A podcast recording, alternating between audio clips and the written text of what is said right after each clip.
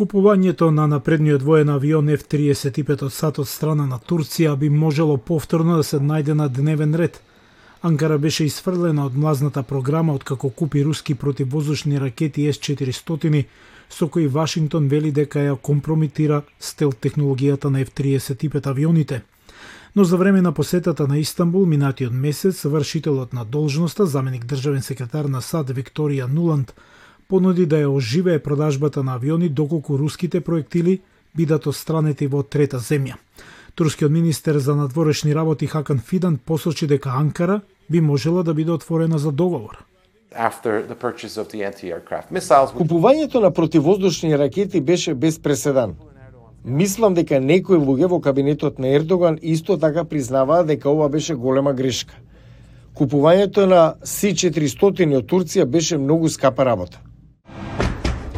Купувањето на ракетите С-400 од Турција, велат наблюдувачите, е мокен символ на продлабочувањето на незините врски со Русија и влошувањето на односите со Вашингтон.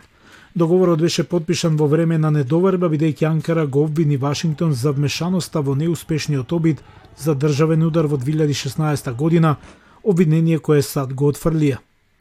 Врските на Турција со САД се подобруваат со ратификација на членството на Шведска во НАТО од страна на Анкара, а Вашингтон возврати со тоа што дозволи продажба на авиони F-16 на Турција.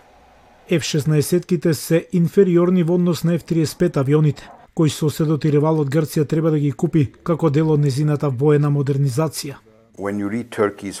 Кога ги слушате турските маринци, тие се плашат дека рамнотежата на воздухопловните сили на ДГО може да преовлада во корис на Грција.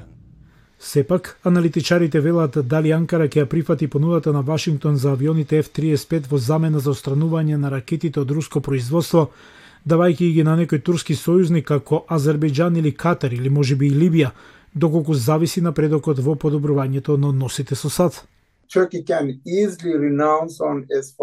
Турција лесно може да се откаже од Си-400.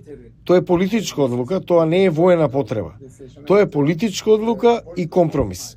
До сега Си-400 и помогнаа на Турција да го зголеми нивото на преговори со НАТО и САД.